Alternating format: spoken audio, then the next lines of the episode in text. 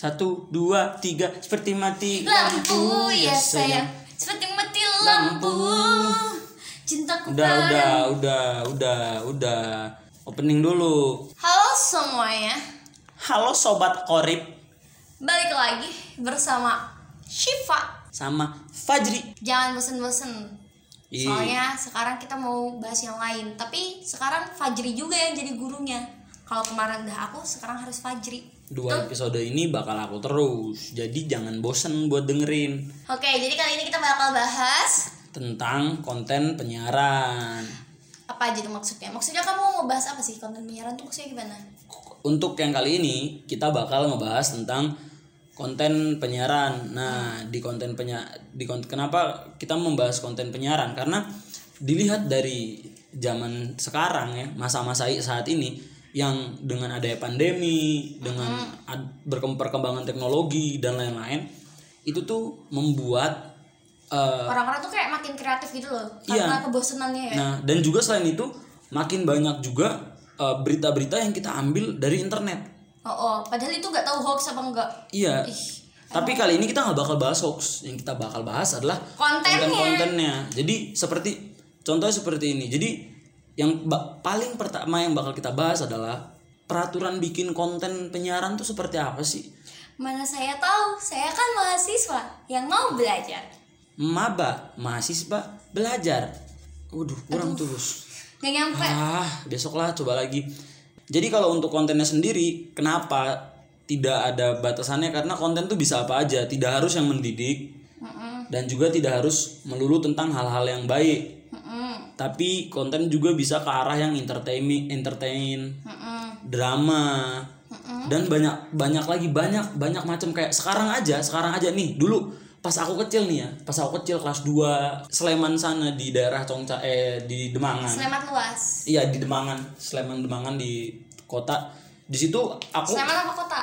deket kota perbatasan kota Demangan memang perbatasan kota, deket Amplas. Nah di situ dulu aku pas kecil, pas zaman SD, aku tuh sering banget ke warnet nih main. Nah waktu nungguin giliran main itu, aku suka nontonin orang main. Dan itu bener-bener kayak rame yang nonton. Kemudian maju ke zaman warnet, kita nontonin orang main warnet. Yang paling jago di warnet bakal kita tontonin di situ. Itu bisa lima anak tuh nonton orang jago satu orang itu main. Padahal nggak kenal gitu ya. Padahal nggak kenal tapi kita nonton.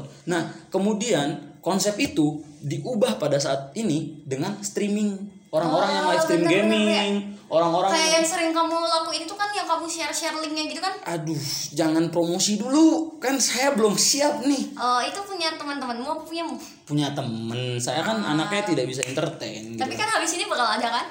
Betul. Oke. Jangan Jangan lupa ditonton. ditonton. masuk iklan, iklan masuk masuk masuk.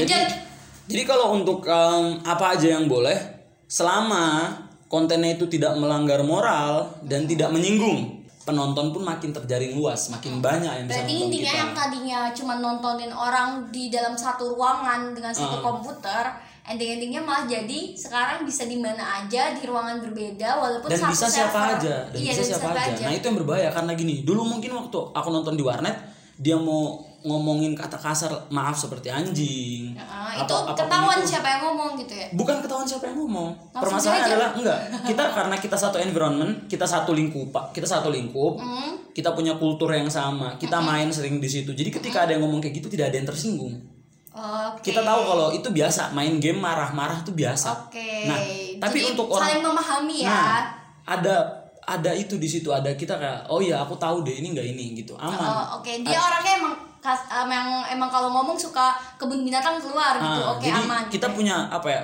batas untuk memaklumi ucapan Oke, dia itu oke. ada. Nah tapi dengan internet yang berkembang, akhirnya orang-orang pun kayak lebih ini kamu tau nggak kayak lebih hati-hati makin atau ini makin banyak orang nih. Jadi tingkat sensitivitas dia terhadap kata-kata kasar pun berbeda-beda.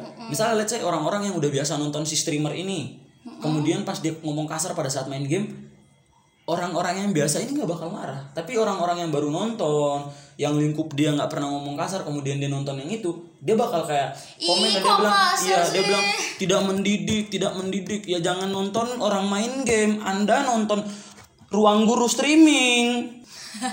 Jadi jadi apa ya dengan begitu eh, makanya itu kalau untuk eh, masalah tidak menyinggungnya sebaiknya kita lebih memfilter apa yang akan kita sampaikan ke ke publik Tapi untuk ya, menghindari hal mah- seperti itu kata aku mah emang mending da- dari kitanya sendiri sih maksudnya kayak Iya. filter kita mau ngomong apa atau gimana atau atau lebih baik diam tidak ada konten jadinya iya benar Iya. Intinya adalah mau di, tetap dibatasi, tapi jika kita bisa mengolahnya dengan baik di dalam aturan tadi, maka konten kita bakal tetap bisa untuk dinikmati. Begitu. es krim dinikmati Apa Enak sih? tuh es krim. Cabut yuk makan. Ya udah ya, kita pengen makan es krim. bye bye Bye.